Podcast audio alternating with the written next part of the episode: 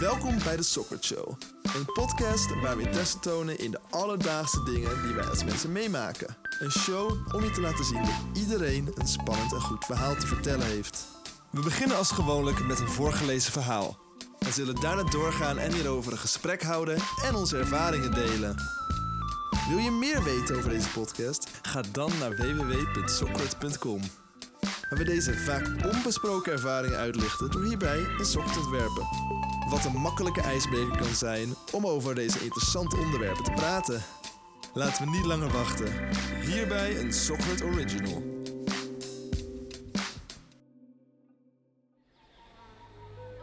De mythische Maya-kalender. Wist je dat de kalender die wij hebben minder accuraat is dan die van de Maya's? Het scheelt niet veel hoor, maar de Maya's konden nog voordat Christus geboren was al een kalender construeren die ongeveer een tienduizendste van een dag nauwkeuriger is dan onze kalender. De Maya's leefden, zoals de meesten van jullie waarschijnlijk al wel weten, rond het zuiden van Mexico en Guatemala. En in de hoogtijdagen waren het enorm bekwame architecten die complexe piramides bouwden die duizend jaar na de bouw nog steeds overeind staan. De Maya's zijn nooit een verenigd koninkrijk geweest. Het was altijd een serie van kleinere stadstaten die weinig met elkaar te doen hadden. Door oorlogen en handel was culturele uitwisseling tussen de verschillende stadstaten mogelijk. En in de stadcentra stonden vaak grote tempels en piramides, die naast het fysieke ook het spirituele hart van de stad vormden. Vaak werden de tempels gebouwd met astronomie in het achterhoofd. Zo is bijvoorbeeld een groep tempels op de equinox, wanneer de zon kaarsrecht op de evenaar staat, precies op een lijn met de reizende zon. Het is daarom bijzonder dat de Maya-kalender, in tegenstelling tot de meeste andere kalenders, niet is gebaseerd op de bewegingen van de planeten. Het is eigenlijk een soort kaart van de evolutie van ons bewustzijn. De kalender bestaat uit twee kalenders, de Tzolkin en de Haab, die samen in 18.980 verschillende dagen resulteren. De kalender van de Maya's, die misschien is bedacht door een nog oudere samenleving, namelijk de Olmecs, laat een wereld zien die in een spiraal beweegt. Aan de hand hiervan denken historici dat Maya's dus konden uitleggen hoe het constant voelt alsof de tijd versnelt naarmate we ouder worden. In hun wereld versnelde de wereld ook echt. De Maya's konden hun kalender gebruiken als een spiritueel hulpmiddel, waarmee naast de tijd ook andere fenomenen konden worden beschreven. Hey, hallo Wouter. Hallo, heb jij naar dat mooie verhaaltje geluisterd? Ik namelijk wel. Ja, over de Maya's. Over de Maya's en in mooie piramidetjes vaak. Hmm. Dat is eh, een zekere mooie piramide die er staat. Dit is natuurlijk eh, de derde iteratie van onze piramideseries. Ja, Eh, de laatste ook, jammer genoeg. Ja, de laatste. We hebben het eerder gehad over de piramides in Egypte en in Cambodja. En dan beginnen we nu bij de laatste. En vind ik een van de meest interessante, omdat er toch genoeg kennis over is. Maar tegelijkertijd is het minder, zeg maar, populair dan de piramides uit Egypte. Piramides uit Mexico eh, Hmm. van de Maya's. Ja. En hoe heette die dan? Eh, hoe heet die dan? Oeh, moet ik even goed nadenken hoe die heet. Eh, die wordt El Castello genoemd. In het Mexicaans, of ja, in het Spaans dan. Hmm. Maar in het Nederlands mogen we wel gewoon de tempel van Kukulchan noemen. Wauw. Ja, en dat ligt bij Chichen Itza. Dat is misschien een iets, iets bekendere naam voor ons. Ja. Ehm, en eh, Yucatan is dan het schiereiland waar het op ligt. En dat was een hele grote stad, eh, laat, heb ik mij laten vertellen. Ja, ja, dat was tenminste een deel van de stad inderdaad. En daar eh, zat de regering volgens mij in, in die tempel. Oké. Ja. En eh Chichen, dat slaat op bij de bron. Of bij de bron, dat het ergens er was water in de buurt dan. Ja. Of, oh, Ja, oké. Ja, ja, ja, ja, ja.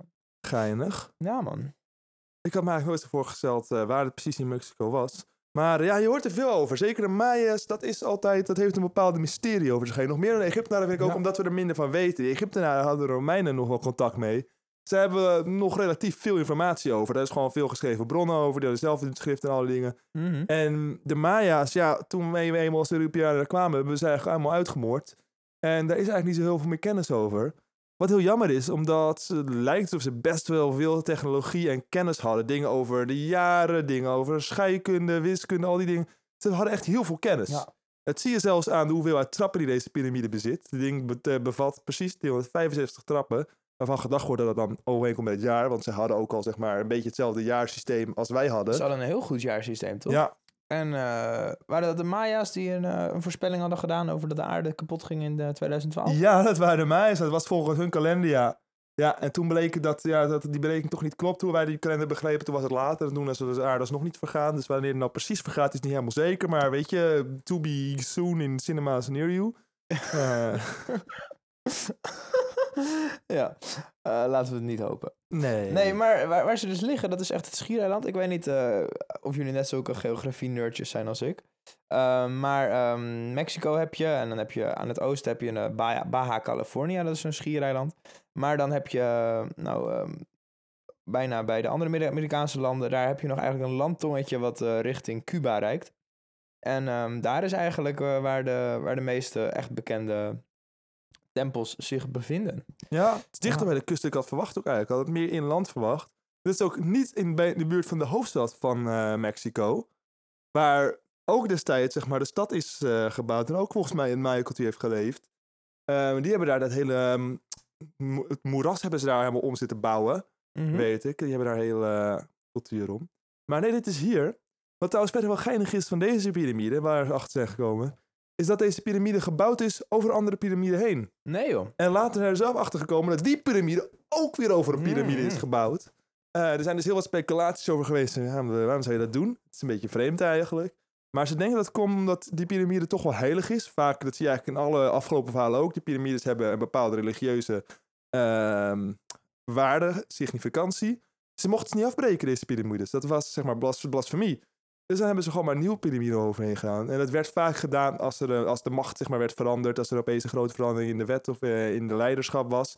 Dan werd er gewoon een nieuwe piramide overheen gebouwd. Om eh, dat eindje aan te geven. En zo is eigenlijk die piramide veel hoger en groter geworden. Hmm. Die laatste piramide, dus die derde piramide, is, is ook pas later zijn ze erachter gekomen. De eerste waren ze wel snel achter, maar de Wat laatste niet. gaaf, wat gaaf. Ja, want waar, waar die piramides hier voor, werden gebruikt is eigenlijk ehm, voor priesters om offers te doen. Ook ja, En ja. ehm, ja, daarom is dus denk ik ook die significantie van die, van die aantal letters, eh, van die aantal streden. En ehm, ja, ze waren best wel stijl, maar de priesters konden er nog steeds eh, op. Ik denk met een, eh, nou, wat, wat zullen ze offeren? Een lam, zoiets? ja, zoiets. Of mensen deden ze ook offeren, hè? Erg, hè? Volgens Ja. mij. Ja, ik weet niet hoe En, erg het was. ehm, Ik weet niet ja. hoe ze daar destijds over dachten. Hmm. Bovenop werden dus de meest belangrijke ceremonies gehouden. Ah joh. En andere piramides werden dus gebouwd voor een speciale god. En eh, die hadden vaak dan eh, geheimen aan de binnenkant. Ah, ja, ik ben ook heel... Ik heb een paar foto's gezien, maar niet heel veel over hoe dat van de binnenkant eruit ziet. Want ik neem aan dat het misschien wel goed bewaard is. Want die laatste piramide bijvoorbeeld, daar konden ze niet echt makkelijk inkomen. Dus daar zullen rovers niet geweest zijn. Nee, nee. Ehm, dus ik ben wel benieuwd hoe dat is. Er is ook een speciaal deel, eh, zeker van deze piramide, een speciaal moment in het jaar. Dat worden ze, eh, noemen ze het lentepunt. Mhm. Dus dat eh, is rond maart is dat gebeurt dat. En dan ehm, valt de schaduw precies eigenlijk op een diagonaal van eh, de piramide. En dan gaan de schaduwen, die, gaan, die lijken dan eigenlijk een beetje op ehm, slangen die aan het krie- krielen zijn. Wauw, echt waar. Ja, en ze zeggen dat ze, daar, dat ze dat bewust hebben uitgevoerd. Ehm, omdat de persoon destijds die dat heeft opgezet, die had ook iets met eh, een slang. Ehm, die, ja, überhaupt hadden heel veel slangen, want het was de moeras. En slangen zijn heel groot in de hele Mexicaanse geschiedenis. Maar inderdaad, het was een verwijking naar Kukulchan. ehm, waar de hele ding is vernoemd, tenminste waar wij hem naar noemen. Eh, want zijn naam betekent ook de gevederde slang. Dus eh, dat is wel heel cool. Ehm, en inderdaad, ze hadden een jaartal. Ze hadden ook al chocolade. De Maya, Maya's. Ja, ze werkten al met cacao. En ze hadden chocolade en melk, weet ik. Ze maakten eigenlijk een eh, drankje van. Eh, dat deden ze met chilipepers deden ze erheen. En ik weet niet wat was een heel ander drankje dan we nu maken. Niet, niet het lekkere zoete drankje van nu. Het had, werd volgens mij ook gebruikt in religieuze ceremonies. En ehm, ja, eigenlijk denk ik voornamelijk voor dat soort dingen. En een beetje een soort thee was dat bijna meer. Een soort koffie. eh, ja, ik weet niet, bijna een soort koffie bijna meer dan eh, Hmm. echt chocolademelk. Ze hadden ook geen melk, want koeien waren in Europa. Ja, die waren er helemaal niet, hè? Nee, helemaal geen Hmm. koeien. Apart. Misschien tomaten. Ja. Ja, ze, hadden dus ook, ze hebben dus veel meer van dit soort piramides. Dit is niet één uitzondering. Ze hebben een heel aantal van deze piramides. En die zijn ook allemaal, tenminste een goed deel daarvan, zijn over oude, oudere piramides gebouwd. Dus dat Wauw. gelaagd heb je eigenlijk daar, eh, komt daar wat vaker voor. En wa- was dan die plek heel... eh, had een significantie of hoe zit dat? Nou, ze zullen waarschijnlijk wel zo'n piramidetje per stad hebben gehad. Ja, vaak, ja. waar- ze hun offers kunnen doen. Dus dat eh, is belangrijk. En dan zullen de mensen wel tussen gewoond hebben. Maar een beetje, een beetje ver- verspreid, dat iedereen erbij kan komen. Nee, als ik aan zo'n piramide in, in Mexico denk, dan denk ik altijd dat er apen in de buurt zijn. Apen, oké, ja. Brilaapjes die zo eh, lekker eh, voedsel van je stelen en zo. Ik weet niet, ik ben er nog nooit geweest hoor, maar... ehm, Ja, ik Ja. weet het niet echt, want er zijn natuurlijk veel moerassen. Ik weet niet of er aapjes leven. Ik weet, zeg maar, je hoort over het eh, regenwoud en over de tropische, eh, tropische oerwouden zo. Daar wonen natuurlijk al die aapjes, macaca's en al dat. Gezelligheid. Maar mm, mm. dit was natuurlijk moeras. Nou, ze zullen ook wel gehad hebben, aapjes, neem ik aan. Maar het was ook best wel lastig te leven ehm, land eigenlijk. Ja Eh, hoor, zijn wel aapjes. Ja, zijn aapjes. Ja, die leven natuurlijk in de bomen, dus die hebben ook niet zoveel last van het moeras. Ik vind het heel bijzonder hoe wij dan op totaal verschillende plekken in de wereld, echt zeg maar nou, bijna het verst van elkaar af, hè? als je denkt aan Cambodja, aan Egypte en aan de Maya-cultuur. En dat die allemaal nog rond of voor het jaar nul eh, van onze christelijke jaartelling, dat die allemaal bedenken, wij moeten de hoogte inbouwen. En Ja. het is natuurlijk een van de meest stabiele eh, structuren, hè, een piramide. Maar alsnog, ja, vind ik het iets heel, heel bijzonders hebben. Dat, dat elke, nou, dat heel veel van de meest ontwikkelde oude culturen allemaal eigenlijk uitkwamen op een piramide bouwen om hun goden maar in de lucht te, te vereren. Dat vind ik eigenlijk... eh je hebt hier een mooie lijst, Wouter. Kan je er Ja. eens wat meer over vertellen? Ja, nou ja, wat je sowieso ziet is dat dit niet een hele grote piramide was. Dit is ehm 30 meter hoog. Net iets groter dan de eh, piramide van Louvre. Ehm, dus Die dat kennen toch genoeg. ja. Die kennen we wel.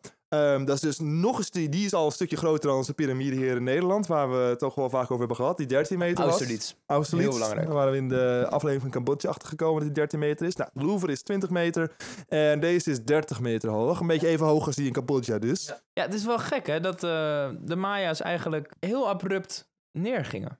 Ja, ja, het- ik heb begrepen dat het kwam door alle ziektes die we hebben meegebracht. En we zullen dus ook wel een beetje handmatig wat mensen hebben uitgemoord. Eh, daar waren we goed in destijds.